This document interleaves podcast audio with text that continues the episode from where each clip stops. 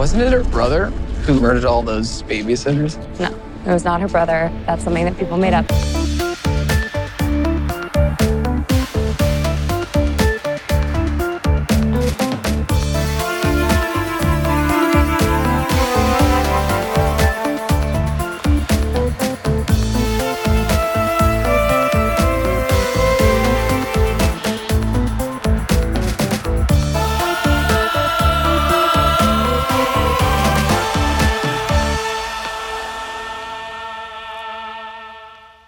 Välkommen till skräckfilmspodcasten Vacancy avsnitt 182 med mig Erik Nyström. Och med mig Magnus Johansson.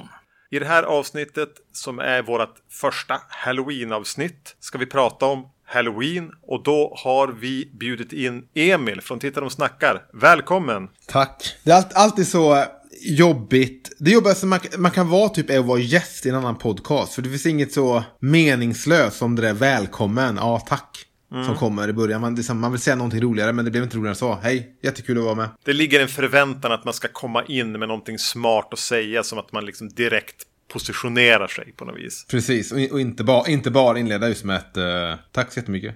Jag vill bara säga en, en, jag vill bara säga en sak. Nu börjar jag ta över den här podden, inte bra. Men Eh, ni vet Hitchcocks sån här eh, grej om du vet den tickande bomben under bordet. Ja. Som håller spänningen igång. Så länge eh, åskådaren vet om att det finns en, en bomb under bordet så kan man hålla spänningen hur länge som helst. Och hur tråkigt den samtalet är. Så har, har jag en liknande grej jag kan dra bara. Att precis innan vi tryckte på räck nu så frågade jag en tjej om hon ville gå på en dejt med mig. Kommer du att få svar under inspelningen? Vem vet? Vi kan ju, vi kan ju försöka minnas att, att titta innan vi stänger av. Ja, ja men, men, men när vi har dig med här eh, så kan vi inte gå eh, miste om att prata om nyheten som briserade här när vi spelar in, vilket väl är typ en vecka innan Halloween eller vad det nu då är. Mm. Robert Englund har sagt att han är ganska sugen på att spela Freddy Krueger i en eh, Elm Street-film igen. Ja, jag, jag fick ju det av dig. Jag har inte liksom gått in och läst originalartikeln eh, eller liksom intervjun eller någonting. Jag har bara sett den där, eh, läst citatet om att han var öppen till det. Så jag vet inte hur mycket, det, hur mycket egentligen det finns kött det finns till det här. Men det jag undrar är, du som kanske läst mer, eller ni som har läst mer. Är det tack vare att han gjorde ett gästinhopp i den här tv-serien som Freddy Krueger nu? Eller är det för att Halloween gick så jävla bra så han känner någon sorts vittring på att nu kommer en ny skräckfilmsvåg? Ja, både och som jag tolkar det. Ja. Alltså dels så nämns den här, vad heter den, Goldman, Goldberg? Någonting. Ja, Gold, The Goldberg, sådär. Ja, precis. Ja, någon sitcom där han har varit med i någon mardrömsavsnitt eller vad fan det är. Mm. Jag har ingen Har du sett det? Nej, men jag, väl, jag blev väldigt överraskad och väldigt glad av att han sminkade på sig igen.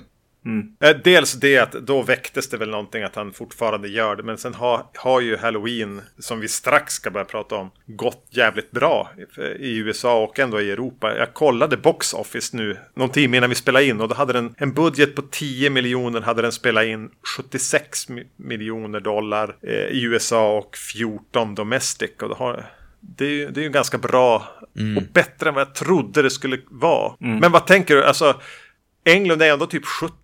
Jag tror inte det spelar, jag tror inte det spelar någon roll överhuvudtaget. Jag ser inte heller inte varför inte Freddy som karaktär skulle kunna åldras på något sätt. Mm. Alltså, jag tror att okej, okay, man kanske har en lite mer skuggorna eller man låter en, en stuntman ta över lite av jobbet eller man, man förändrar Freddys karaktär så att han, det kanske handlar mer om att Mer om att psyka än, än att fysiskt jaga och sådär. Jag har inget problem med att man låter karaktären åldras med Robert Englund. Det jag tänker på mest, jag tror att remakens tid är lite förbi. Typ sen Platinum Dunes gick över till att göra Turtles-filmer istället för skräckfilmer.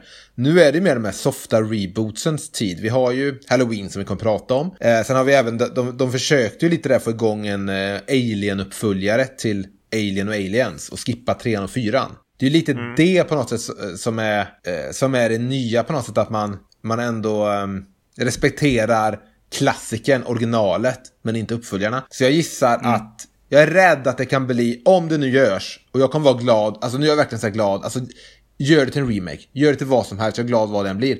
Men risken finns ju att det kommer vara, det kommer startas här med att ungdomarna på en street eh, har inte drömt mardrömmar sedan 1984. Men nu återuppstår Freddy. Det är jag rädd för, att man skippar alla uppföljarna. Heather Langenkamp kommer ju och ska in då också. Och kanske John Saxon till och med. Jag tror John Saxon, han måste ju vara 140. så jag, jag, jag, jag, det här fick mig att tänka lite så här på, fan, eh, lite det Wes Craven gjorde med New Nightmare. Där han hittade ett nytt sätt att få tillbaka sina skådisar. De hade, de hade ett sam, något samkväm ihop och kul ihop igen. Det var kul om man på något sätt fick in John Saxon och Langenkamp och kanske Johnny Depp i någon liten... Men jag vet inte, men jag är väldigt, väldigt glad. Alltså, det, känns, det känns bara som att, fan, jag, när, det, när nyheten kom då från dig där, Erik på eftermiddagen, så liksom det var som att eh, jobbet gick lättare. Jag bara blev positiv och glad. All, all alla spår av depression var är borta.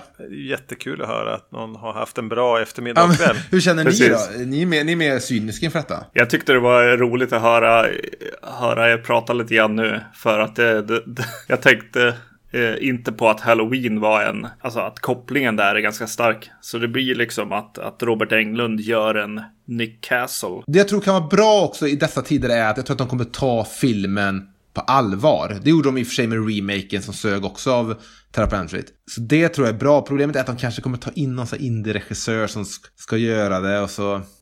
Ja, jag vet inte. Nej. Men eh, ja, Nick Castle då eh, spelar ju The Shape och är tillbaka här i den nya Halloween-filmen eh, tillsammans med Jamie Lee Curtis som är tillbaks. John Carpenter är tillbaks och gör lite musik. Eller lite, han gör musiken till filmen tillsammans med sin son och eh, den andra i bandet också. Okej, så det hela det är de som varit ute och turnerat sånt? Det är alla de som Ja, suttit precis. och knåpat musiken? Okej. Mm. Ja, kommer tillbaks och eh, eh, hoppar på den här eh, re- rebooten som vi pratade om, eller vad man ska säga, soft eh, eh, reboot. Som är skriven och regisserad av David eh, Gordon Green, också skriven av Danny McBride. Vad är de här snubbarna för er? Alltså för mig så är det ju, alltså det är ju de här som du brukar eh, skämta med mig om att jag ser ibland. Stoner David Gordon Green för mig är den här, äh, vad heter den, Pineapple Express. Och eh, Your Highness och eh, sådana filmer. Ja, det är väl de filmerna jag har sett också.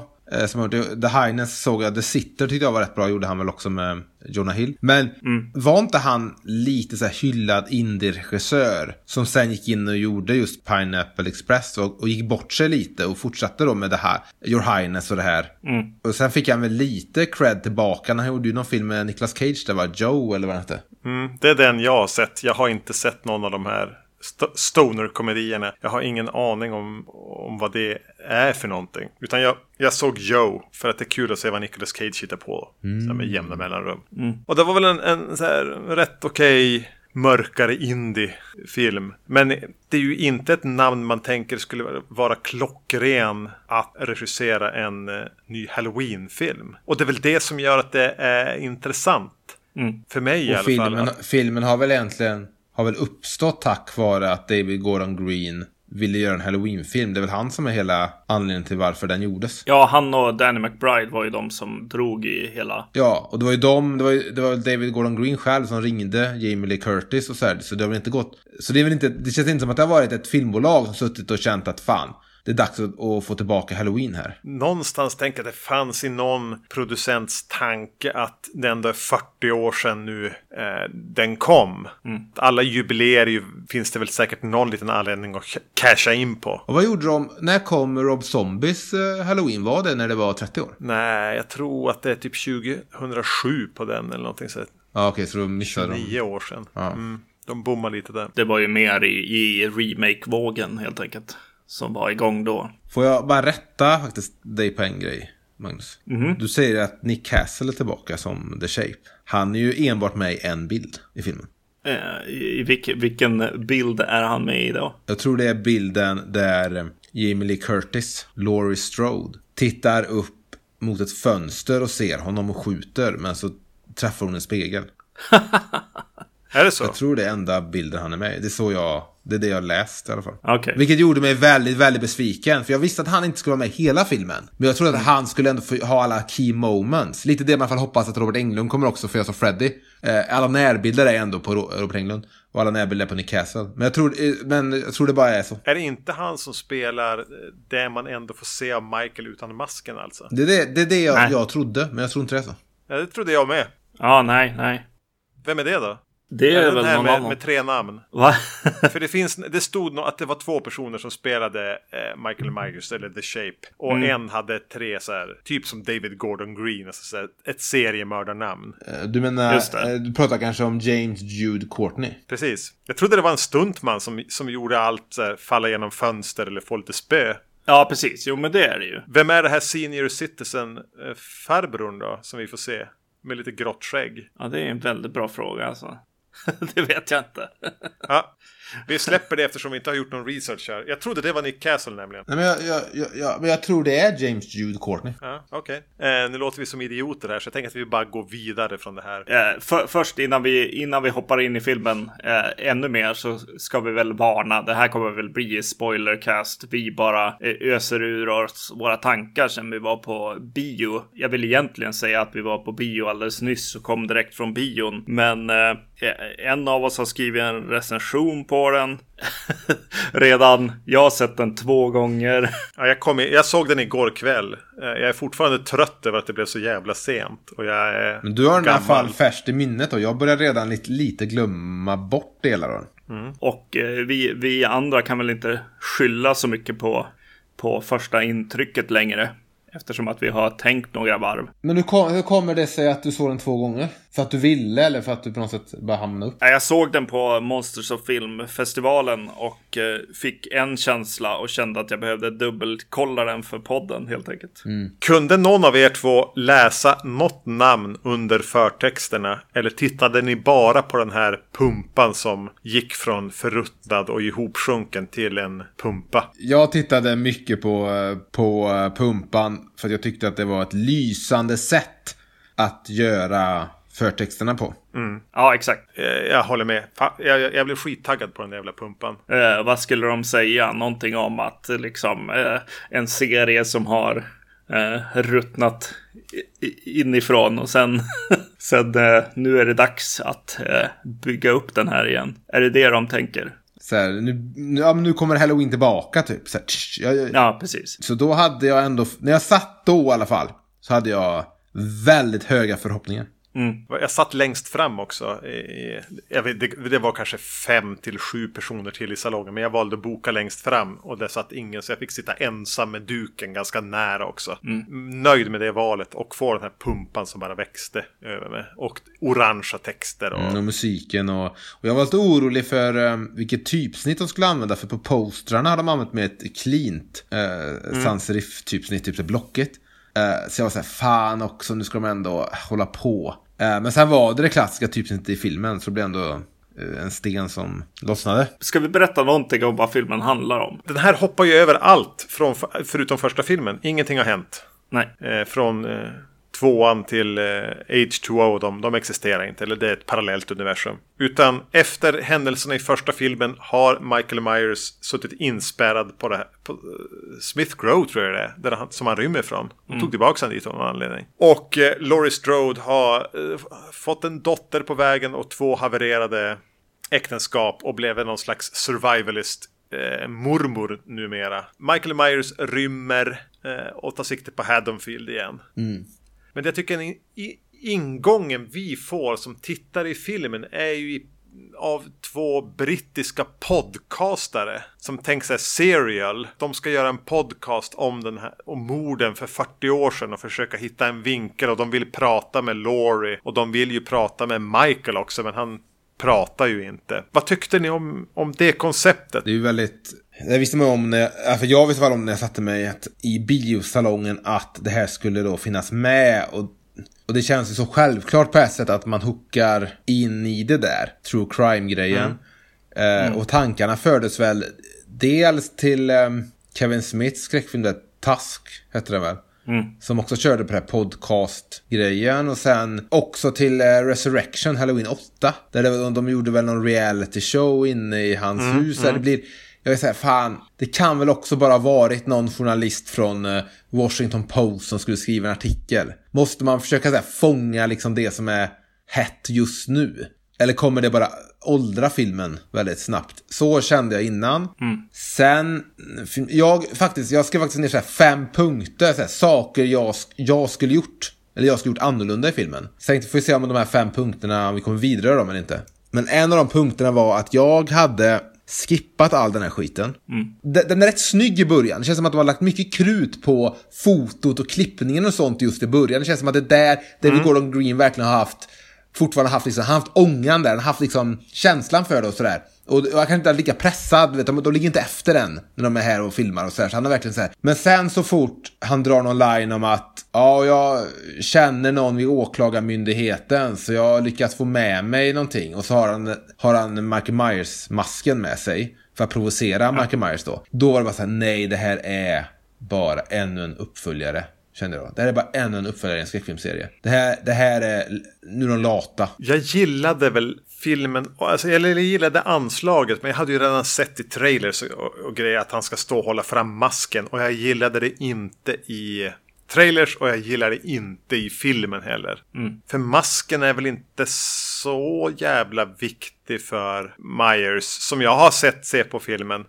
Utan att han ville bara ha något för ansiktet. Det hade han när han var barn. Då hade han en clownmask. När han var lite äldre så tog han det han råkade snubbla över. Så, så just masken som sådan är ju inte viktig för Michael Myers. Jo, men jag kan säga så här att, eh, och det här är faktiskt lite det jag vidare över min recension av filmen, så om, ni kan läsa om ni vill. Att hade man gjort Halloween 9, då är masken viktig. Men när man nu gör Halloween 2 och man, rad, man raderar 40 år av Halloween-uppföljare och man gör sig på ett sätt då väldigt fri så följer man ju upp direkt efter första filmen. Det finns ju inte en, en Halloween-grammatik längre. Det finns inte regler, strukturen för en Halloween-film och vem Michael Myers är och eh, Dr. Loomis eh, och allt det här finns ju inte kvar på samma sätt. Utan man kan ju ta det man vill från första filmen för att liksom på något sätt nu skapa en ny tidslinje och en ny filmserie. Och då var faktiskt en av mina punkter jag hade gjort annorlunda. Ja, om jag skulle ha med masken, för masken är, även om masken på något sätt jag tycker nu är helt oviktig för universumet, så är den ju popkulturellt fort, fortfarande väldigt viktig för de som ska titta på filmposter och vilja gå och se filmen eller sådär. Men jag tycker att om man är tvungen att ha med masken så tycker jag det bästa sättet hade varit då kanske att om nu Laurie Strode är den här galenpannan och hon har sina eh, de här eh, dockorna ute på gården som hon skjuter på, skyltdockorna. Mm. Då hade jag tänkt så här, okej, han har inte masken på sig i filmen. Förrän typ sista tredjedelen när han kommer till Laurie Strode och hon kanske typ har skjutit på, hon har klätt ut sina skyltdockor till att se ut som honom eller någonting. Ja. Att det hade varit något sånt mer, jag säger inte att det är världens bästa lösning, men det hade för mig känts mer, lite mer naturligt på något sätt än att han, han direkt, direkt också typ stöter på de här podcastarna ute i, i det fria sen när han har rymt. och får masken och då blir det bara, då känner jag igen, jaha nu är det verkligen bara Halloween 9 här. Det här är ju bara ännu en Eh, Halloween-film. precis. Jag, jag, jag håller med. Om hon kunde eh, få bära det då. Eh, helt enkelt. Vad som, som för henne var ikoniskt för natten på något sätt. Och därav få bära liksom popkulturella liksom. Ja, för det måste delar. jag, för jag tänkte så här, det är ju inpräntat hos henne såklart, att den här mannen som jagade henne såg ut på det sättet. Ja. Men för han så tycker jag han lika gärna kunde haft bandage runt skallen, eller inte haft någonting, eller haft... Han, han verkar ju ha någon form av eh, fixering vid att dölja sitt eget ansikte. Men han kunde ju ha satt på sig vad som helst. De hade ju kunnat skapa någonting nytt där eller kunna skoja lite grann. Eller vad, att han tar på sig en annan mask. För det finns masker överallt. Det är halloween. Precis, precis. Men jag håller med även, även att han stöter på de här podcastarna igen är ju av en slump dessutom. Han stannar typ för att tanka eller för att byta bil eller vad det är. Och då råkar de vara där. Och, och det är lite grann som att, att eh, David Gordon Green och gänget här inte riktigt har vetat hur de ska förhålla sig till de här ikoniska sakerna. Dels masken. Eh, jag gillade in i det för övrigt. Att den hade kunnat komma in i tredje akten. Men, och även att de inte riktigt vet hur de ska förhålla sig till relationen mellan Myers och Strode. Nej, precis. Exakt. Där känner jag också att, att hela den här eh, snubbla på-grejen. Jag kände det extra mycket när jag såg den för första gången. Hur liksom, ja vad tur han hade. han bara råkade träffa de här podcastfolket igen. Eh, men han följer ju faktiskt efter dem. Han går ju till sin syrras grav. För det vet vi att han är Just det, fixerad ja. vid. Mm. Eh, och där ser han ju dem. Jaha, så att han är ju ute efter dem. För, för att han vill ha tillbaka sin mask då. Ja, I guess. Oklart. Men eh, jag vill bara säga mina fem så här eh, punkter hur jag hade gjort saker annorlunda. Så var i alla fall en av sakerna. Jag hade inte fokat så mycket på masken nu när man är, är fri från halloween-arvet. Nej, Den hade behövts, men man hade kunnat kringgå det här snyggare. Jag, jag är med dig på det. Man hade kunnat använda det på ett bättre sätt. Men och då har jag även en annan punkt med tanke på att vi pratar om de här podcastarna. Och det andra saken jag har gjort annorlunda är att det finns en scen där en pappa och hans son har varit och jagat, eller ska jaga. Och han vill hellre hålla på och dansa den här pojken. Ehm, Och det ska vara så här lite indie-smart skrivet. Så här. De måste prata om någonting. Så den McBride har suttit där och försökt vara lite för smart. Och lite för rolig och lite för, för underhållande för att vara en skräckfilm. Jag vill säga, låt dem bara prata om van, låt dem vara vanliga människor istället. Men då stöter de ju på den här bussen då som har kraschat och det, det är galna eh, fångar då runt omkring på vägen överallt och det här och, och Michael har flytt. Där hade jag startat filmen. Jag hade inte startat med att vi ska få backstory eller vi ska se Michael Myers innan vi ens har träffat Laurie Strode och vi... Allt det. Jag hade startat direkt där bara. Att en, en Ja. fängelsebuss har krockat. Vi har den här eh, pappan och sonen som kommer hit, vet inte vad som händer. Och så kanske att någon då hade skrikit om att var är han? Alltså de, de skriker om en, de skiter i alla andra men bara pratar om en person eller något sånt där. Som är borta. Det är verkligen inte... Eh, alltså, filmen vill verkligen prata om vad som har hänt. Eh, framförallt mell- mellan första filmen och, och nu. De babblar en hel del om backstory och även, även det här popkulturella liksom aspekterna. Som att de måste nämna att de inte är syskon. Någon, någon jävel hittade på det och sånt där. Men vad, och jag förstår inte vad det spelar för roll. Och det skriver jag också i min recension. Att, nej, nej, men det, det slutar ändå upp med att Laurie Strode och, och, och Michael Myers är två magneter. Så vad spelar det för roll om... Men- Ja, det spelar ingen roll. Det, det, så jag, så jag, det, är ett- det är ett kreativt nollsummespel. Vad spelar det för roll om de inte är syskon eller är syskon när det ändå ska alltid vara de två? Men upplever ni att Laurie Strode är viktig för Michael Myers här? Eller snubblar han bara på henne? Precis. Eh, i, här, eh, han snubblar ju bara på henne. Det är väl hon som är ute efter honom här. Det är väl det som är att de har, Ja. de har vänt på det. Ja. Han vet nog inte vem hon är här. Hon Nej. är bara en till han av någon anledning som vi tack och lov aldrig får svar på. Bara vill hugga en kniv i. När de börjar brottas där i slutet då, han, han håller fast vid, eh, mot någon vägg där med, med hennes gevär. Eh, då gör han en liten så här, "Ah, vänta nu, vem, vem är du?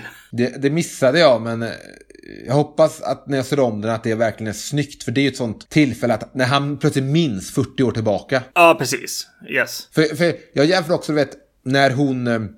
inte om hon håller för sin ytterdörr eller någonting med sitt gevär. Men han, han drar handen genom rutan i alla fall och börjar ja, försöka, jag vet inte vad, ja, men du vet, försöker nå henne och, och få tag i henne och så här. Det är lite, den, den bilden och den scenen, sekvensen är lite lik hur det är när de möts i Halloween 20 år senare. Också vid en dörr med en ruta. Men i Halloween 20 år senare görs det mycket, mycket snyggare, tycker jag. Ja. Den här kända, det var med i trailern också. De bytte mask sen ju när de, eh, från trailern till slutversionen av filmen. Men det här när hon eh, tittar ut och så står han där och bara tittar på varandra. Då syskon. Det gör, jag tänkte bara nu när jag såg filmen att fan, de där ikoniska ögonblicken som ändå Halloween 20, 20 år senare hade. Saknas ändå lite i den här filmen. Men jag kan gilla att den inte spelar så ikonisk. Alltså den här är inte uppumpad som den här stora 40 år senare. Här gör vi allting rätt. Här har vi korrigerat de här usla uppföljarna. Här gör vi ett e, en episk nystart för en av de mest klassiska skräckfilmerna som finns. Utan att den avfärdar lite grann det som har varit men har ett ganska behagligt anslag som är rätt skönt anspråkslöst ändå. Alltså den, den vill inte välta någonting. Den här bara kör. Jo, men inte det är en väg de var tvungna att ta för att de redan hade den där 20 år senare. Jamie Lee Curtis är tillbaka, det här kommer vara en hyllning till originalfilmen. Och nu var de ju tvungna att göra någonting lite annorlunda, de kunde ju inte göra det igen. Så då kanske det... Förstår du vad jag tänker? Att om inte Halloween 20 år senare funnits så kanske vi hade fått den där mer som du pratar om. Men 20 år senare var ju, kom ju eh, tack vare eller på grund av Scream. Alltså det den är, är ju att pröva Halloween-tanken i Scream-universumet. Och jag gillar ju den för det den är i det. Men det här är ju då, ja men om vi tänker bort det. Och vi tänker bort Rob Zombies eh, pinsamheter. Var är vi då? Var är vi nu? Vi är 2018. Eh, och det är så lätt att övertänka det.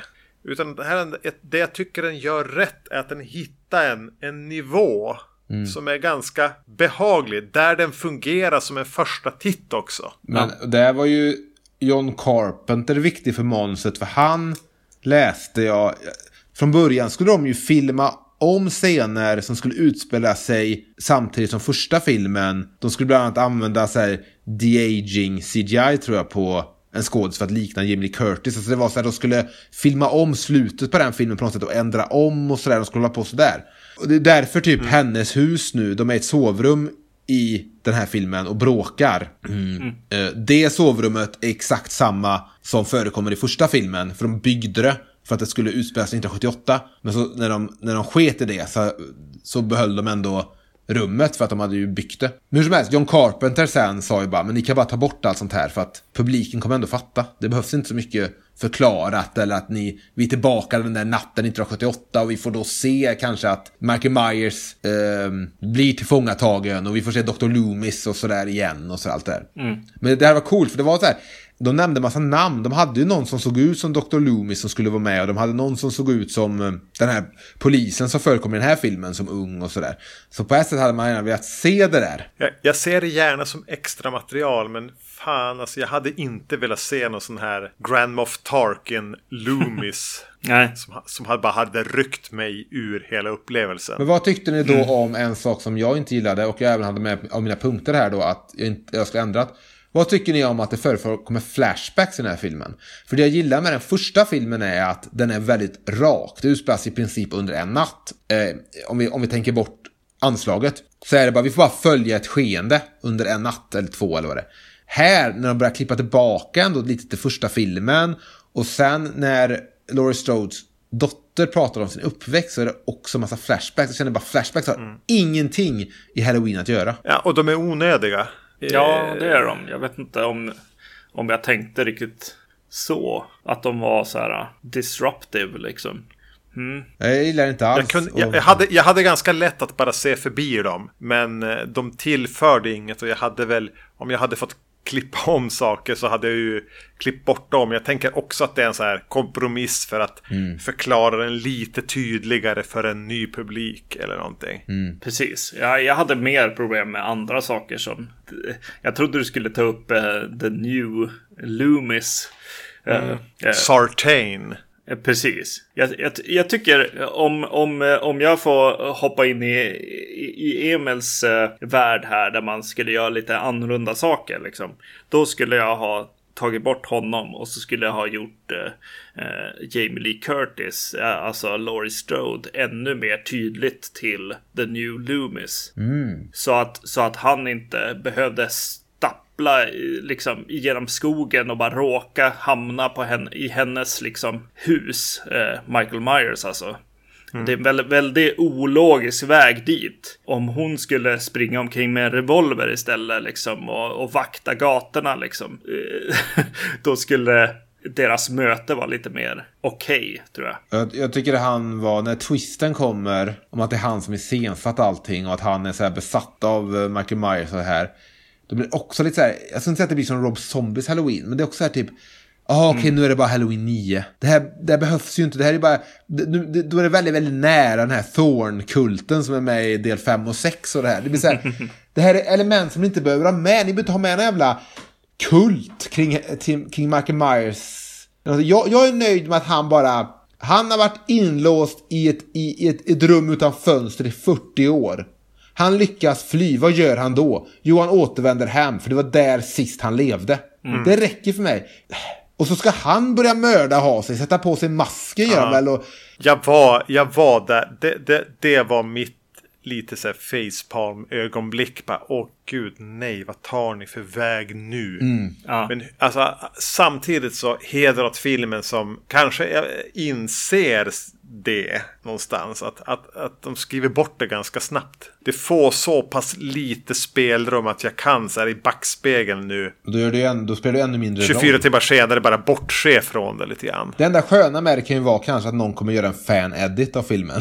Och lyckas plocka bort det, men ändå, ändå få filmen att funka. Jag, jag ska säga att jag satt och funderade på bara, jag bara Sartain, är det någon sån här Sam Hain-grej? Alltså är vi där nu? Är det här någon sån här flört med det? Att, att det finns någon kult och grejer. Jag bara, ah, ah. Jag, eh, också... I början blev jag bara så här lite, okej, de behöver ändå en dock. De behöver någon som ändå förklarar för de här podcastarna lite vem Michael Myers är och för publiken. Okej, det är den rollen den här läkaren spelar. Det är klart att, han, att det kommer finnas läkare på det, eh, den här Ja. anstalten. Inga problem med det. Sen är han med i bussen och säger, någon, säger någonting där när pojken tittar in i den här bussen som har kraschat då.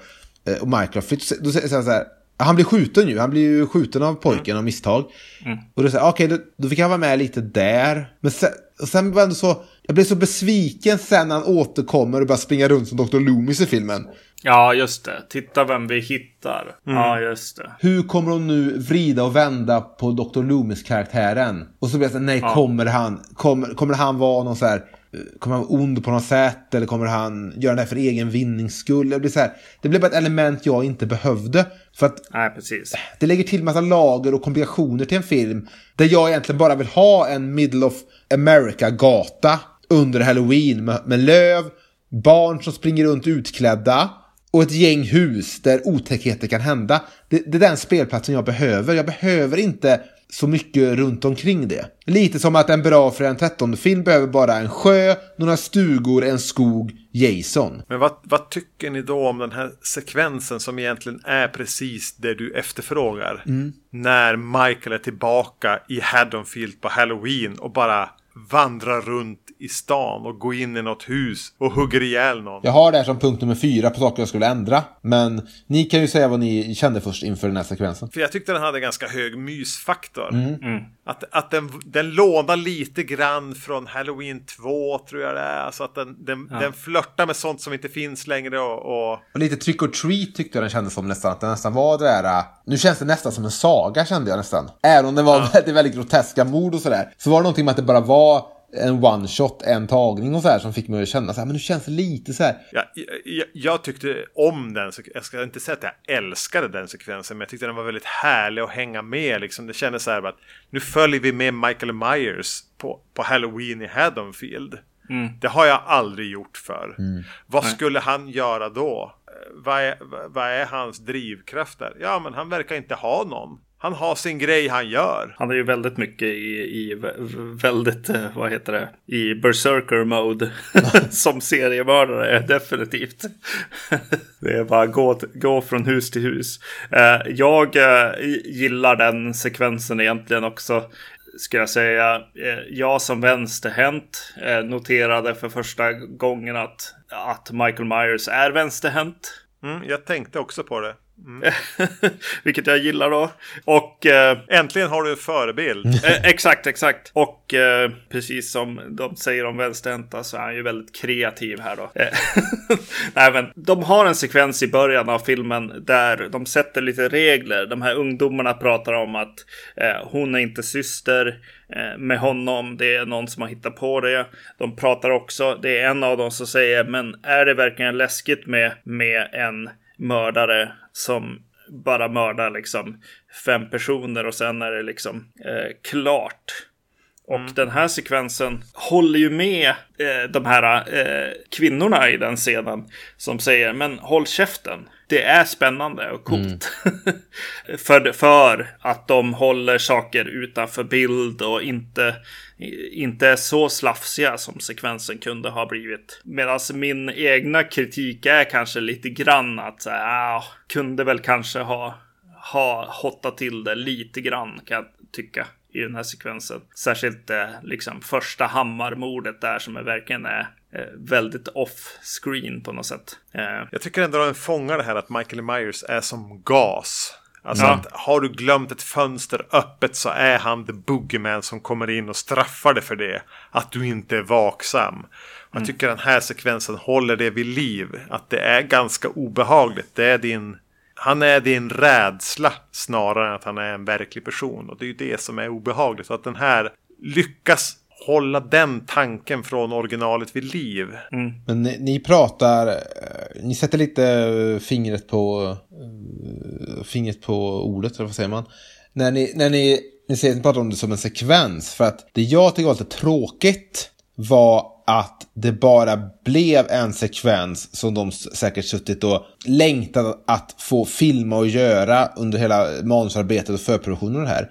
Men om jag minns rätt nu, nu, nu såg du den igår Erik, så du minns den väl bättre, men jag tror att den här sekvensen, eh, den här sekvensen är i filmen och sen efter så klipper de väl till att polisen eh, är, någon annan- de är med polisen och Laurie Strode någonstans sånt. Jag tycker att man kunde gjort sekvensen mycket större. Jag hade velat följa Michael Myers ehm, gå loss på den här gatan samtidigt som kanske poliserna är, letar efter honom och är jävligt nära den platsen och man kanske kunde gått mellan, klippt eller, klippt eller tagit en tagning mellan poliserna som letar efter Michael och Michael som är i andra hus och håller på visa hur isolerade alla de här människorna i husen är fastän det är på den här gatan där barnen springer utklädda, poliserna är där och tittar men inte vill oroa någon. Jag hade liksom velat hålla oss mer vid den gatan och kanske göra mer av det. För nu blir det bara att vi får se en sekvens i en tagning med Michael som går till två hus och dödar två eller tre personer. Och sen klipper vi till någonting, då är vi någonting helt annanstans. Och så är vi vidare i filmen. Men jag tror man kan stannat upp här och gjort det till en stor del av filmen. Den där paniken i att Istället för att det bara blir som att Jason dyker upp, dödar någon, försvinner, han kan vara var som helst. Jason dyker upp, dödar någon. Att man mer hade gjort filmen mer grundad i att poliserna verkligen är där. Och vi får känna paniken i hur fan, om det är en galning som går loss här i grannhuset, hur, hur ska man gömma sig? Vad ska man göra? Ska man låsa? Ska man fly? Alltså, jag, jag tror man bara kunde stannat upp där längre i filmen. För att jag gillade inte när vi sen hamnar ute i skogen hos Laurie Strode. För då känner jag att då känns det för mig mer, ja men det här är ju typ en Fredag 13-film nu. För hela den där sekvensen limmar lite dåligt med det karaktärsdrivna de även vill ha in. Ja, Och det är där jag tänker att de, de väljer att klippa och försöka hålla vid liv Laurie Strode och hennes familj och den här polisen som tydligen var med vid gripandet av 78. Som också blir en så här halvonödig karaktär. I alla fall utifrån hur mycket utrymme han får. Och att de också måste, du vet, ja, vi måste koppla han till originalfilmen för att han ska betyda någonting. Istället för att fan, det räcker att det är en sheriff som, du vet, vill stoppa ett blodbad på halloween i sin, i sin stad. Så, så den blir väl, lutar väl lite mycket åt att bli för karaktärsdriven ibland. Men då, det är också, då blir det ju som ett av, den här sekvensen blir som ett avbrott där vi ändå, ja men vi måste ändå få se Michael Myers döda några karaktärer. Men det jag tycker den gör, där, där den är, är sann mot det som för mig är originaltanken med Halloween. Just att, åh gud, har jag glömt låsa dörren? Tänk om en mördare kommer in. Men det tycker jag gjordes bättre i originalet, för då är vi ju Det hade på den ja. gatan. Det är klart att det är bättre i originalet. Ja, Ja, precis. För, eh, precis, för or- originalet utspelar sig också när det var, eh, jag höll på att säga lättare att vara seriemördare. Alltså att eh, det, det fanns seriemördare och liksom våldtäktsmän och, och annat som bröt sig in hos folk som aldrig blev tillfångatagna heller. Så ingen visste vilka de var. Så det fanns ju ett verkligt hot, kanske mer än vad det finns idag för just de här typen av boogeyman.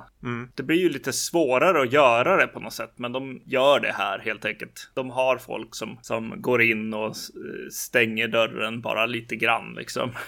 Eller lämnar den öppen. Ja, och när, jag vet när jag växte upp, då låste vi inte dörren när vi åkte och handlade och sådär. Eh, men då, växte, då bodde jag på landet. Men, men vadå, eh, jag tror eh, mest, ser, det seriemördartätaste årtiondet tror jag var 80-talet. Men i alla fall, jag hade velat haft Laurie Strodes, Laurie Strode, Laurie Strodes hus på den gatan fortfarande. Jag hade velat stanna på den gatan, jag hade velat haft Halloween, jag vill ha barnen utklädda, jag vill ha skriken som hörs i horisonten när någon påträffar ett lik, paniken. Så fort vi hamnar ute i skogen hos Laurie Strode så, så kändes det bara för mig, så jag fick säga förut, som, mer som att det var en fredag den 13 film. Skogen och det lite så här äh, taffliga torpet och det knakar i trappan och och det kändes bara, vad gör vi här ute? Där blir ju krocken mellan, mellan att vara sann mot originalet och att vara sann mot karaktärer. Alltså det är klart att Laurie Strode skulle ha valt ett mer avskilt där hon kunde sätta upp sina stängsel och grejer. Jag köper det, hur det fungerar ihop med karaktären. Men jag köper inte riktigt hur det fungerar ihop med, med Halloween-andan. Eh, vad tycker ni om Jamie Lee Curtis då?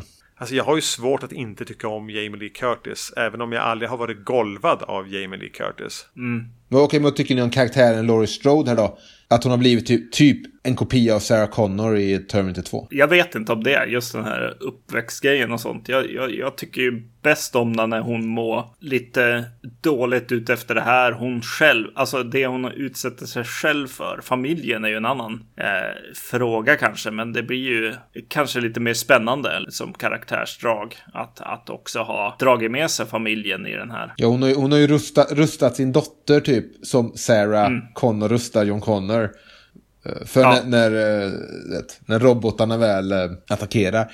Nej, för jag jäm, när jag satt och kollade på filmen så jämförde jag mycket med Halloween 20 år senare. För det känns som att det, de, är, de på något sätt speglar varandra. Eller så här. Ja. Och då, jag kände bara hela filmen att fan, jag gillar verkligen Laurie Strode mer i Halloween 20 år senare. När hon är lika mycket alkoholist som här.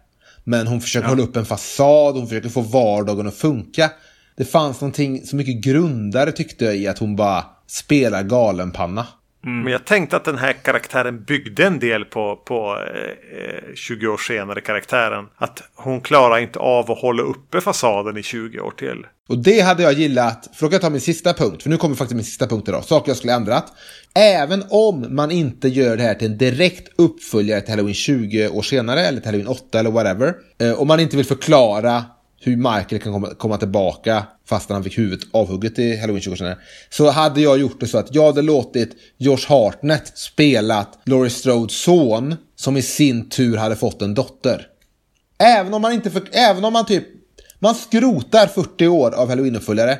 Så hade jag ändå tagit tillbaka Josh Hartnett som han, Det är son. få som vill ta tillbaka Josh Hartnett 2018. Jag vet, men jag, jag hade gjort det bara för att det hade varit ändå någonting skönt fuckigt i det också. Att det är så här, det är ingen uppföljare men det är ändå samma karaktärer. Ja. ja, men jag kan ändå någonstans ändå tänka mig att eh, den karaktären som är i, i 20 år senare är samma karaktär som här. Mm, och då, men då hade jag tyckt om det här mer. För att säga, då hade jag sett utvecklingen. Då hade jag sett, okej okay, hon har varit den där, hon har ändå försökt hålla det medelklasslivet flytande och allting fast hon stinker vin varje dag på jobbet. Då kan jag ändå köpa, okej okay, så har allting bara raserat här då. Raserats och så. Mm. Men nu blev hon bara lite grund och lite för mig.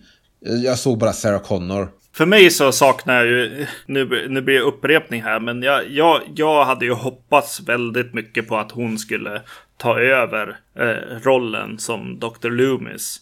Och hon gör ju det rent känslomässigt att så här, spendera ett helt liv med att mm. själv bli lite tokig och galen och eh, skrika åt folk och, och eh, prata om eh, The Boogeyman och djävulen och liksom att, att ondskan är en person liksom. Att, att fortfarande faktiskt tro på The Boogeyman. För det var The, uh, the Boogeyman som hon mötte där en gång. Med de här kalla ögonen och, och allt det där. Han kan komma varifrån som helst. Ja, så de, den aspekten eh, skulle jag ha fortsatt med helt enkelt. Jag skulle ha dragit det ännu hårdare. Eller framförallt tagit bort den här andra doktorn då. Stand-in Loomis. Där hon kunde ha fått ta den rollen mm. istället. Och sen, sen låta dottern eller dotterdottern eller någon helt annan person vara de som är liksom i fara. De här på den här gatan som du pratar om Emil hon, hon är ett, ett väsen som springer omkring. En, en annan liksom del av historien. Men som lite som Loomis gör i första filmen. Han,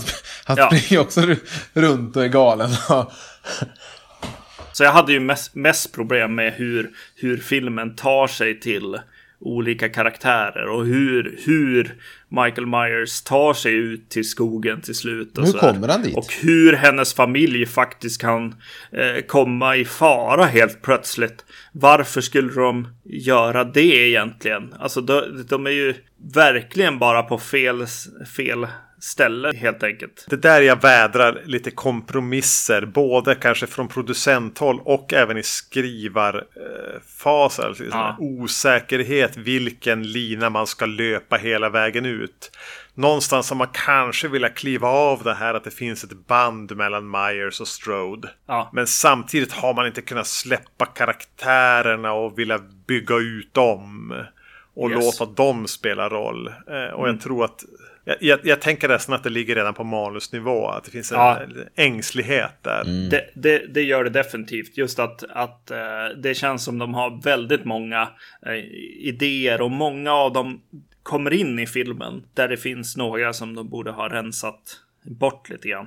Jag har gjort en lite mer streamline tror jag. Ja, Men sen vad tycker ni om slutet då? För slutet filmade de ju om eftersom eh, eh, publiken de testade filmen på inte tyckte att slutet de hade filmat och skrivit var helt lyckat. Vad, hur känner ni inför när hon, när dottern säger It's not a, it's not a safe, lala, it's a trap och det här. It's not a cage, it's a trap. Ja, just det. Alltså, jag kunde mycket med hela slutet med hela det som utspelar sig i huset här när Laurie Strode går runt med bössar och sånt. Att jag kunde så, jag var verkligen två personer där. Jag bara, det här är fånigt. Jag köper det inte, men det är ganska spännande. Jag var hela tiden lite rädd att, att, eh, att Laurie Strode skulle gå åt där. Men, men ja, alltså när reshoots, ja det känns lite reshoots. Eh, Du som verkar ha gjort någon slags bakgrundscheck här Emil.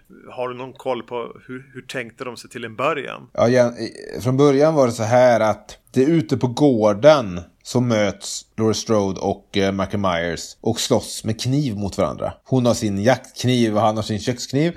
Och han sticker in hennes kniv i henne. Då skjuter dottern honom med en armborst. Så han får en armborstpil rakt genom bröstet. ja. Och så sticker de iväg i en eh, bil. Slutar det tror jag med att Michael Myers är i skogen och håller på att förblöda. Och jag gissar på andas tungt. För de där tunga andningarna är väl med i, i eftertexterna i filmen. Eh, som är nu. Så så var det. Och istället då så skapar de väl hela det här med den här eh, konstiga... Ja, jag förstår inte varför har de massa picklade jävla grönsaker och skit där nere och alla bössor och allting. Om det ska vara en... Eh, om det ska vara en trap. Vad är det de... Finns det andra? Varför? Jag, jag förstår inte logiken i... Vad, Men det håller ju inte ihop. Alltså det, Nej men de- fast, fast alltså jag känner ju att de, de menar på att så här beroende på alla möjligheter måste hållas öppna liksom. Att så här, ja vi kan gå ner hit och stänga in oss. Men det är uppenbart att Jamie Lee Curtis måste också ha den andra planen. För hon, eller Laurie Strode kan inte låta bli och bara låsa in sig helt enkelt. nej men då, då hade det varit bättre att det slutade med att Jamie Lee Curtis är där nere. Han kommer ner och hon stänger och typ offrar sig som Bruce Willis gör i Armageddon. men de hade ju samtidigt bara kunnat stänga ner sig där allihop. Vänta på att han skulle slita loss den här jävla köksön. Ja, och skjutit honom. Och när han kommer ner för trappen så står de tre, fyra personer med, med, med, med grovkalibriga gevär och skjuter han i små bitar. Så ja, logiken stämmer ju inte. Den haltar något fruktansvärt och det stör lite grann. Finalen är egentligen ganska svag. Och det är sånt jag hatar för de har suttit där och, och, och du vet, de, de är tvungna att skriva ett nytt slut. De känner pressen. Och sen är det någon som bara säger så här. Ah, uh, it's not a cage, it's a trap. Och så tycker de det, alla det är smart. Utan att ge det en minut av tanke om hur dumt det är. Och det är som att kolla, det är någon som, du vet.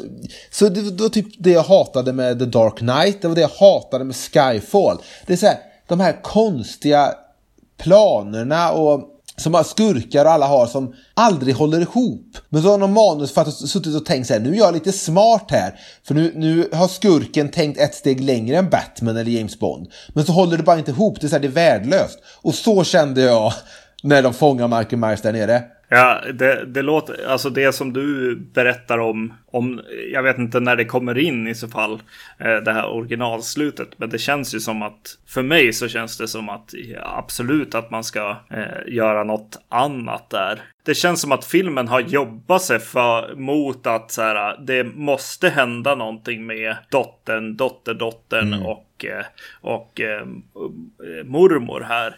Och, och att de får varsin liksom eh, hugg, liksom skott i, skott i huvudet eller vad det är och, och liksom putta ner och dottern, alltså eh, dotterdottern här får, får eh, köra ett litet hugg där mot slutet också. För att ja, nu är, nu är vi, vi en familj.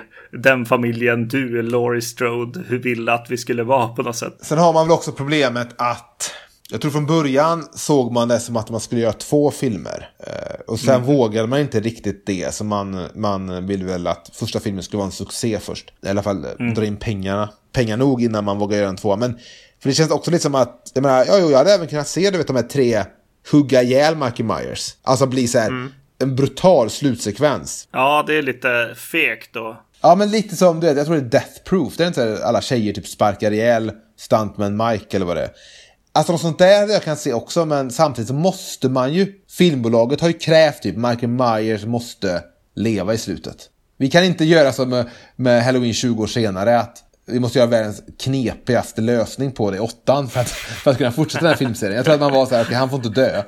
Så då fick man på sin höjd då, vad gjorde de? De högg av några fingrar på honom. Det var allt man fick göra. Sköt honom i axeln. Jag tyckte ju att det fanns ett tema genom filmen som var lite det här att den, den nuvarande generationen har sänkt garden slappnat av i sin egen bekvämlighet och inte vaksam mot ondskan. Mm. Alltså man kan se det lite grann som då ja, men någon slags här, nyfascismens uppvaknande i form av Trump och liknande. Att, att, att det var det den ville säga. Visst, de här gamla de, generationen som varnar om allting, de kanske låter lite tokiga. Och de är även lite tokiga. De behöver grundas i verkligheten. Men vi har blivit alldeles för slappa och bekväma och tar för mycket för givet att det var det filmen ville säga. Och det tycker jag den lyckas sy ihop ganska bra med så här tre generationer som möts. Mm. Mm. Eh, så, så att säga, tematiskt upplever jag att den håller ihop. Men eh, som story betraktat hackar den ju och haltar sig fram lite grann. Mm. Fan nu när du pratar om ny, där, den unga generationen och millennials som inte... Fan jag hade gärna velat sett någon sån här sekvens där det är någon som inte ser Michael Myers för att hon eller han är för upptagen med sin telefon. Eller vet, det är just det här att man inte längre bryr sig om någonting man bryr sig inte riktigt om omvärlden längre, utan bara du vet, sina likes och, och, och sig själv och sin telefon och allt det eh, något jag tyckte nyss att, pod, att podcasters kändes för... Jag vet, för, jag liksom vet. Och nu sitter jag här och bara försöker veta så här... Du är ganska gammal där, Emil. Nej, men jag tror ändå något sånt där som om man vill ändå vill... Om man hade velat ta gamla Halloween och liksom placera den mallen över vår tid. Så finns det ändå mm. väldigt mycket, just det här med att inte vara uppmärksam på någonting annat än sig själv. Det finns ändå en del grejer mm. man kan inte göra som men på ett lite tidlöst och snyggt sätt ändå. Mm. Alltså, jag tänker att vi ska börja avrunda det här, men jag vill bara snabbt checka av med er. Vad tycker ni om det här nya ungdomsgänget som presenteras då? Bland annat då dotter, dotter till Laurie Strode och hennes pojkvän och några kompisar där. Eh, scenen i restaurangen där med pojkvännen ska träffa föräldrarna. Då känner jag lite, ja det här är ändå lite på riktigt, det här känns rätt bra. I övrigt så kändes det bara som ett fredag den 13 gäng. Jag, jag tror det var ah, helt, okay. helt innehållslösa karaktärer. Äh, vad roligt med just den där restaurangscenen, för jag, jag känner att den hade så här, den behövde vara bäst i filmen. Uh, och uh, det känns som att uh, regi inte riktigt sitter där. Jimmy Lee Curtis är skitdålig där vill jag bara säga. Ja, jag, precis. Jag, jag tittade på, jag, tittade, jag, jag, jag satt i en tom salong med två till recensenter på en pressvisning såg den här filmen. Och jag, när, det, när hon kommer in där, in, du vet, och bara svepa ett vinglas. Då var det mm. bara så här, shit, nu är det som... Det, det kändes fan som 96 när Kiss gick ut på sin farewell tour. Peter och Ace var tillbaka. Allt var på topp. De hade tillbaka sminket och allting och de rockade världen. Spelade för arenor. Eh, och det var alltså Halloween 20 år senare. När hon är alkis och sveper vinglas jävligt snyggt. Här kändes det som nu när Kiss går ut på en ny farewell tour och Ace och Peter inte är tillbaka. Det är så här, fan Jimmy Lee Curtis, har någonting hänt med ett skådespel på 20 år? Men du kan inte svepa vinglas lika snyggt längre. Jag tyckte det blev lite, lite, lite jobbigt att titta, lite ostigt hela den eh, scenen. Men alltså det är hur den, alltså den får ju ingen nerv heller rent så här eh, filmtekniskt på något sätt. Det är någonting med hur den är filmad och eh, att den känns eh, steril på, på ett sätt som den absolut inte ska vara. Utan den, den bör ju ha mest nerv i hela filmen nästan. Så någonting är ju fel där. Jag tyckte att hon som hon Allison då, av Dotterdottern är det svagaste kortet i filmen och framförallt i det här kompisgänget så är hon den minst charmiga. Vilket gör det lite jobbigt att följa henne. Är inte lite samma Halloween? Alltså Jimmy Curtis är den, är inte den charmigaste där heller eller? Nej, men här är det ju någon som är direkt trist. För hon, jag gillade hon den, den blonda tjejen tyckte jag var lite kul. Jag- Jag gillade hennes pojkvän. Ja, Han, han var lite för charmig för filmen, eller för den roll han har i filmen. Men vem, vem, vilken pojkvän pratar vi om? Ja men han som, han som... Han som eh, drogar eller han som klär ut sig till eh, Bonnie? Nej, nej men alltså den blonda tjejens pojkvän. Han som röker lite hasch och spränger en, en pump. Ja, och, ta, och, tappa, och välter en motorcykel. Han hade lite den här, som jag tänker med Danny McBride, humorvibben över sig. Att ja, men som en, både en charmig comic relief så var han bra. Men jag vet inte om han hörde hemma här. Mm. Han får säkert fler roller tack vare det han kan visa upp här. Och jag, jag var road av, det, det jag såg. Men jag vet inte riktigt om han... Ja, han kanske stack ut på ett för mycket. Han var ingen lagspelare. eh, jag tycker han funkar. Han, bo- han borde ha varit kanske lite mer så här när det väl går snett. Då borde han ha gjort den här äh, nyktra till grejen som man måste göra ibland när man ska in på, en, på, eh, på ett ut, uteställe lite grann. Att, att eh, nu, nu gäller det liksom. Eh, Då borde han kanske ha, ha blivit lite mer seriös än vad han blev kanske. Eller bättre helt enkelt. Det jag kände, det jag kände så att här syns Danny McBride som manusfattare för mycket. Och här får vi för mycket människor som kommer från att ha gjort eh, Pineapple Express och Your Highness. Det är de här eh, scenerna där man måste ha man måste ha karaktärer som pratar om någonting. Eh, och, jag, och, då, och jag minns själv när man skulle spela in kortfilm och sådär förr. Och det var och någon så här teaterskådis frågar en så här, ja men vad, vad, hur startar vi den här scenen då? För vi, innan vi kommer till vår dialog och man säger så här, ja men prata bara om någonting. Ni, prata om vad som helst och sen så går ni in på det ni ska säga som driver liksom filmen vidare eller vad som den här scenen går ut på. Och här känns det som att eh, det kommer sådana scener där de måste prata om någonting. Och då har de hållit på så här, du vet, Judd Apatow, lite så snappy skrivet dialog. Bland annat den blonda jag tror det sker vid tre tillfällen i filmen så jag minns nu kanske. Den blonda tjejen hon är barnvakt åt den här mörka pojken. Där är dialog som är överskriven, även om de båda är rätt charmiga. Sen är det scenen i polisbilen. Där det, det är en scen som bara går ut på att två poliser vaktar utanför Laurie Strode och de ska se att någonting händer i en polisbil framför dem. Men istället för att... Det är rena comic relief-scenen. Ja, istället för, att det bara, istället för att den scenen bara startar med att de, någon sitter, tar ett bett av en macka och säger vad fan händer där framme i bilen som kommer mot oss? Så måste man inleda med två, tre minuter av att de babblar om mackor och olika sorters mackor och sånt bara för att det, och det, det är ett till, nu kommer jag inte på vilket, vart det är i filmen, men det är ett till tillfälle där det är också ett sånt tillfälle där jag känner att okej, de har en, en scen som går ut på att karaktären ska se det här, du vet så här. Men så bakar de in massa i, idiotisk dialog för, för lite komisk effekt. Som jag känner bara, skippa det och skriv istället re, realistiska, riktiga karaktärer istället. Det är roligt som en scen, eh, ganska bra genomfört, men det återigen så här, hör det hemma här, behövs det här? Ja, jag kan inte låta bli att gilla den där pojken alltså. eh, Ändå. Nej, jag gillar- jag gillar Eh, honom, Av men- de scenerna. Men jag ser bara för mycket eh, Pineapple Express manusförfattande Ja, i de scenerna. Kanske hade det stuckit ut mindre om man hade valt en av scenerna som hade fått vara kvar då. Ja, och då hade jag haft, då hade jag haft kvar scenen med pappan och pojken och eh, som ville, pojken som ville dansa. För det är också en sån, Ja. en typisk en sån scen. Ja, det var bara den punkten jag hade kvar egentligen om den här filmen. Men jag vet att Magnus hade en punkt också. Ja, jag har lite, lite eh, saker, andra, andra eh, titeln. Var det någon som noterade maskerna från eh, Halloween 3? Nej, Det är ett, ett gäng kids som springer omkring. De har pumpa, häxa och dödskalle masken från Halloween 3 på sig. Som jag tyckte var lite charmigt. Ni vet Daniel Harris som var med i fyran och femman och även sen i Rob Zombies Halloween-filmer. Hon har då enligt uppgift hört, hört, hört av sig om att göra en cameo eller någonting i den här filmen. Men den fick inte göra det. Det är väl korrekt, eller? hon borde ju skaffa sig ett annat gig egentligen.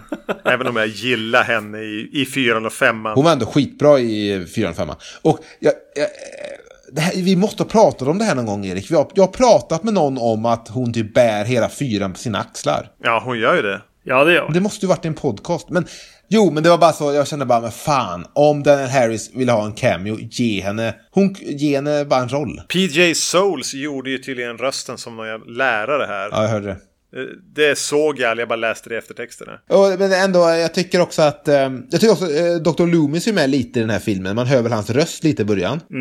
Eh, Dr. Loomis cameo gjordes också mycket, mycket bättre i Halloween 20 år senare. När rösten ligger över förtexterna. Och man svepar över hans kontor. Och de har en voice actor som låter som Dr. Lo- Loomis som pratar. My, mycket bättre än här. Här tyckte jag det kändes som att det inte riktigt lät som Dr. Loomis. Nej, precis. Då, då, då lät ju alltså the new Loomis mer som Dr. Loomis. Eller ja, den lät ju mer som, vad heter han? McDowell, ja. Just det, han var också Loomis ja. Han har också varit spelat Loomis. Ja, precis. På tal om alla de här eh, liksom tvåorna och att den här heter Halloween. Ja. Och då tänker jag, den här skulle ju heta Halloween 2, men då finns det redan två andra filmer som heter Halloween 2 också. Eh, så det är ju lite svårt då. Men vad, Men, vad skulle eh, den hetat då om inte... Det var ju någon som sa att den borde bara hetat The Shape. Istället för Halloween. Men det hade varit omöjligt att sälja. Nej, Halloween. Men det är konstigt. Det är ändå konstigt. Vi har ju nu tre. Vi har typ fyra. Vi räknar bort zombies filmer. Så har vi tre stycken nu filmserier som utgår från eh, Halloween-originalet. Eller hur? Ja. Och det är väldigt konstigt att den senaste nu då är Halloween som följs upp av Halloween. ja, det är väldigt konstigt. The Halloween då. Exakt.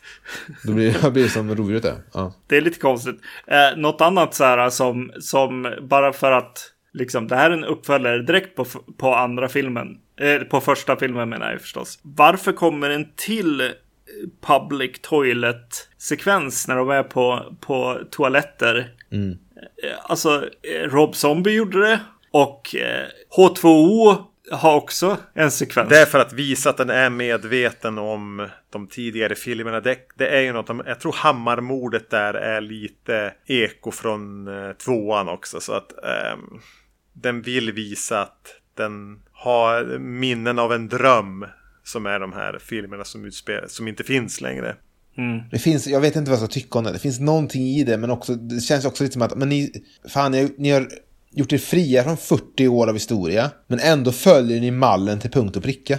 Och jag menar, även det här i slutet där, lite när det är lite um, Home Invasion, eh, som väl skräckfilmsgenren heter. Det är väl lite så i femman, att de eh, ba, eh, barak, barrakerar Fyran sig. tror jag det är. Fyran, men poli, men är det inte femman med någon, det är någon polis och någon blond kvinna. Mm, det är fyran. Det är fyran kanske då? Ja, men de också håller till i ett hus och försöker skydda sig från Michael som, som på något sätt tar sig in. Det var något mer också i filmen jag tänkte på. Så här, men det här är ju hitta på någonting nytt när ni har chansen att göra någonting nytt. Ja, precis. Men vadå? Eh, jag hade tänkt inför det här avsnittet att jag skulle lyssna på mitt och Magnus avsnitt där vi, där vi summerade tidigare Halloween-serien för att se hur vi valde att rangordna filmerna. Så att jag skulle kunna tänka mig någonstans var jag skulle stoppa in den här. Glömska orklivsleda kom i vägen. Så då frågar jag dig Emil, var skulle du tänka spontant stoppa in den här i någon form av eh, rangordning av alla, Halloween-filmer? För hittills har det låtit som att du varit uteslutande negativ till den. Ja, Jag blev negativ från och med att man såg masken i filmen och... Okej, var, var, Fyra minuter ja, in. men, men sen kom ju sen kom förtexterna och då var jag pepp igen. Till, ja, men fan, de, bara, de gjorde bara ett misstag där. Vi, vi är tillbaka, vi är tillbaka, allting är bra. Var ska jag placera den? Ja, ja, Halloween är bäst. Sen tror jag jag placerar Halloween 2 ändå. Sen Halloween 20 år senare. Sen Halloween 4. Sen kanske Halloween 3. Och sen den här. Så den är ändå en bit bak. Ja. Och det, jag tycker ändå det här är väldigt bra gjord. Så här. Den är på sina ställen välregisserad. Den har en ton som du gillar, Erik.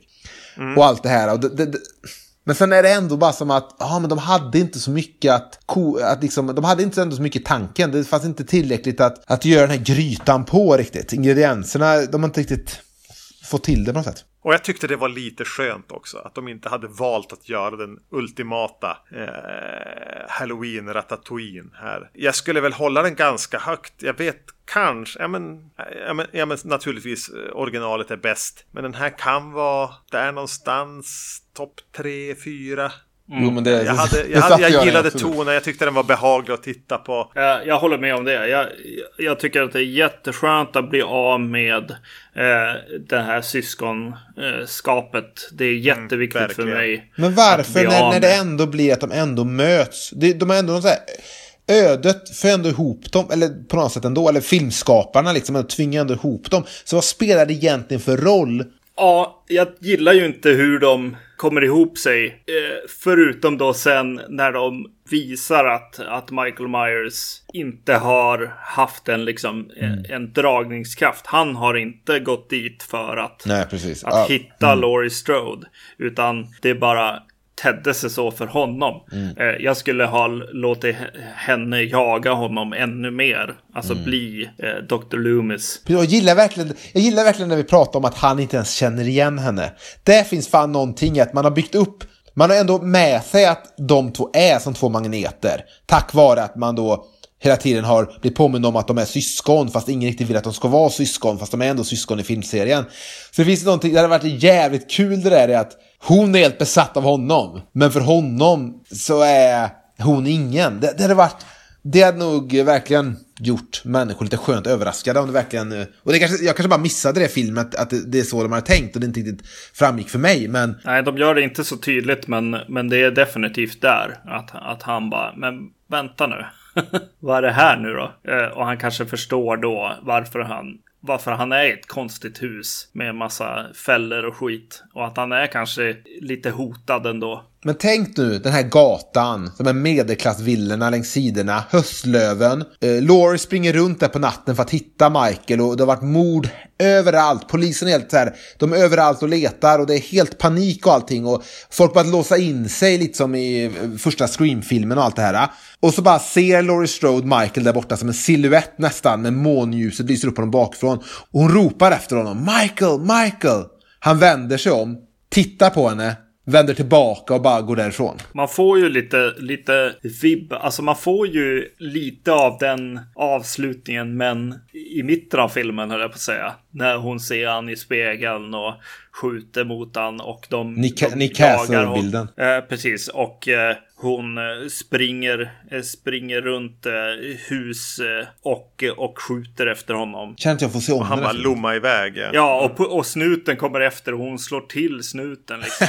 Där är hon ju eh, Loomis, alltså där är hon ju den karaktären lite grann. Och, och tänk om sheriffen hade varit mer åt så här, inte riktigt trott på grejen. Så hon, hon har varit tvungen att berätta bakgrundshistorien för honom liksom. Eh, och han kanske, ja just det, ah shit, nej. nu kom jag till att han börjar gräva i gamla arkiv och sånt.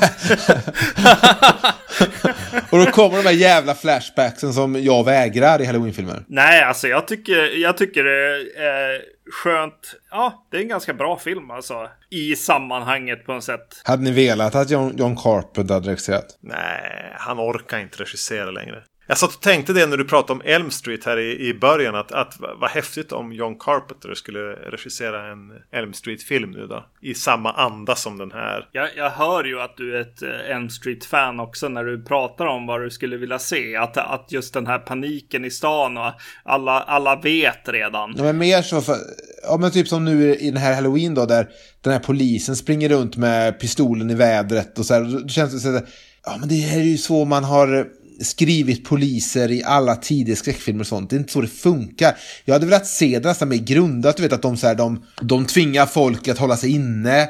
Alltså det hela staden under belägring nästan och lite mer by the book hade jag velat sett istället för att du vet polisen springer runt eh, med pickadollen och kan bli slagen av Laurie Strode. alltså så här. Och samma, med, Ja. samma gärna med eh, Terra på Elm Street. Jag hade velat att de tar det typ nästan seriöst. Men vad fan hade hänt? För det vet ju alla, men alla måste sova någon gång liksom. Och det är lite det som jag hör att du är ute efter här lite grann också. Mm, Jag vill, jag vill se folk som, som låser in sig och du vet, tittar ut genom fönstret och polisen som bara in med er, alltså så här, och du vet. Och den här paniken att de inte kan hitta den här seriemördaren som du vet vägrar sluta, du vet. Bara gå från hus till hus. Jag såg om eh, originalet eh, för någon dag sedan också. Den är ju väldigt speciell på det att Michael Myers är en stalker, seriemördare. Han åker runt där och, och tittar på alla och väljer ut offer. Alltså det är väldigt mörkt och märkligt på något sätt. Hans karaktär är, är väldigt, väldigt så här äh, seriemördare, hotet, eh, medans andra är i det som blev slasherfilm på något sätt. Har Halloween 1978 samma ton som Black Christmas? Jag har, inte sett, jag har bara sett remaken av Black Christmas, men kan man, kan man se någon så här äh, linje mellan Black Christmas Ja. och Halloween? Det tycker jag. Att, att mördaren är så otroligt obehagliga liksom. Ja. Och just hur han andas också. Och när han attackerar hon i bilen här och, och verkligen bara... När han stryper henne liksom. Det är en, en sexuell handling som han gör när han stryper henne där. Och det är väldigt ovanligt i en slasherfilm. Så han blir ju Men jag gillar det, för då blir det, då blir det plötsligt lite på, på riktigt igen. Att man tar vara på den här ögonblicken. Istället för att bara vara så här lite lös och ledig, vara så här, okej, och så sticker de en kniv i någon och så skriker någon till och så klipper vi. Det är samma sak, jag hatar till exempel i filmer när vet, någon blir skjuten och så bara ramlar ihop. Det är här, men vi är, inte, vi är inte förbi det. Låt människan ligga och förblöda, låt, han, låt personen släpa sig lite. Eh, Och det är samma så här i, faktiskt i slasherfilmer, så här, vi är inte förbi det där med att så fort hammaren slår mot huvudet så klipper vi. Ja. Typ som nu eh, i den här filmen när, när, när den här kvinnan blir slagen med hammaren. Så ser vi henne sen bara ligga mot köks köksbordet. Där hade jag kunnat se henne typ leva på något sätt, du vet. Och bara så här, ligga och skaka lite eller någonting. Man får ju känslan faktiskt i den scenen snarare än den som jag... Jag, jag, jag sa att jag ville ha lite mer äckel i filmen, men eh, när han faktiskt sticker, sticker en, en kvinna i halsen där.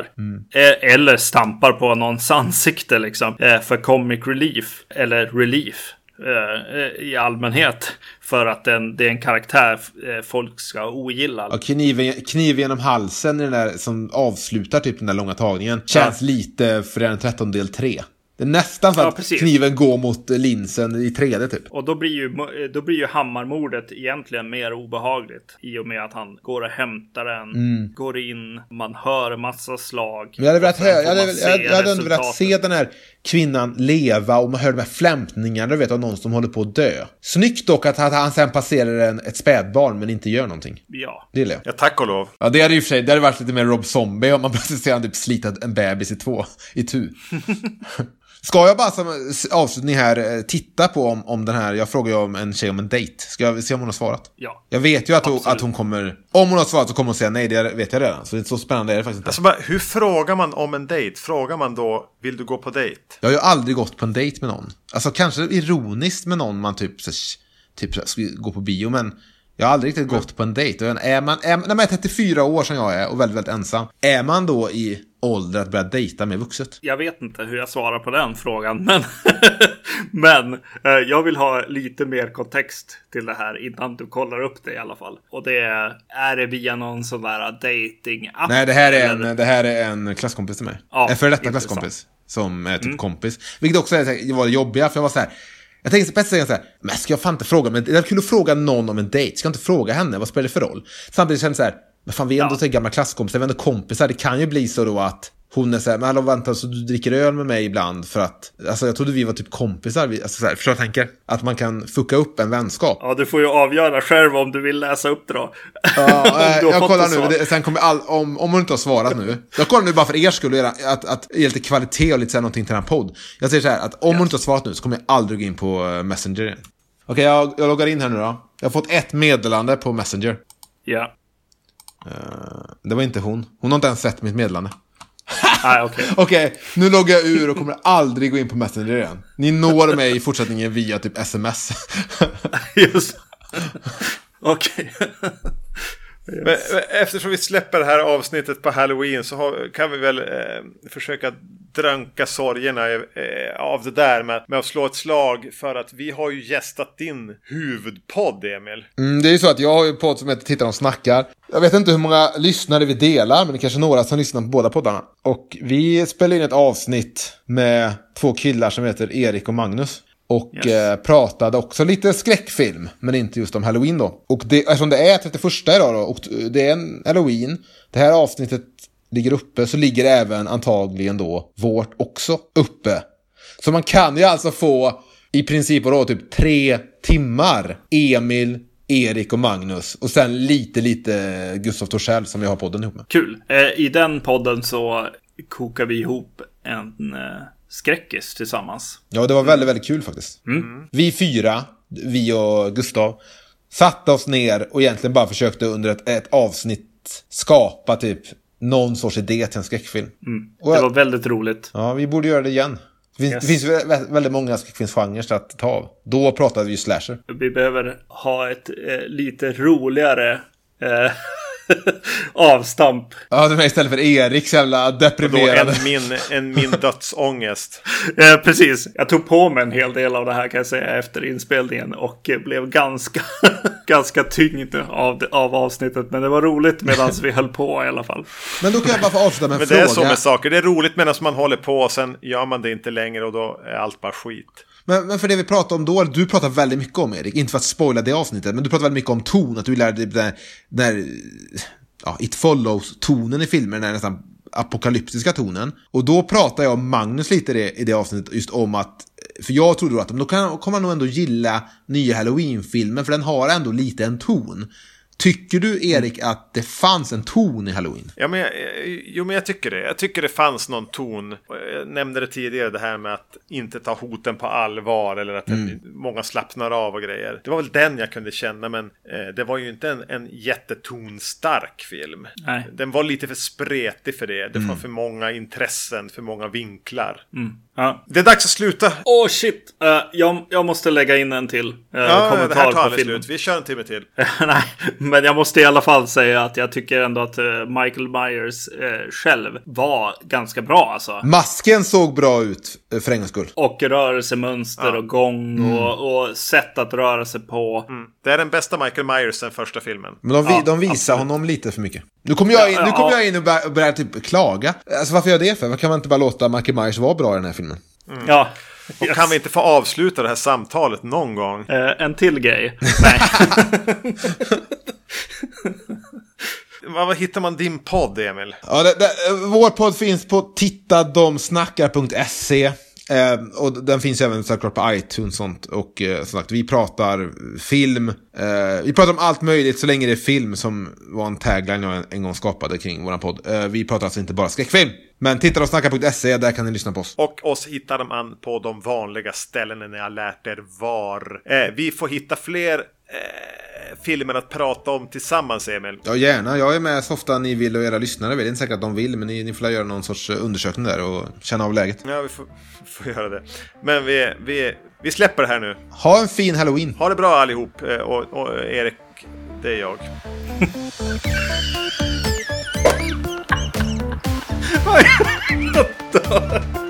Okej, yes, ha det bra. Hej. Ja, fy fan. Ja, men vad Erik, det är jag.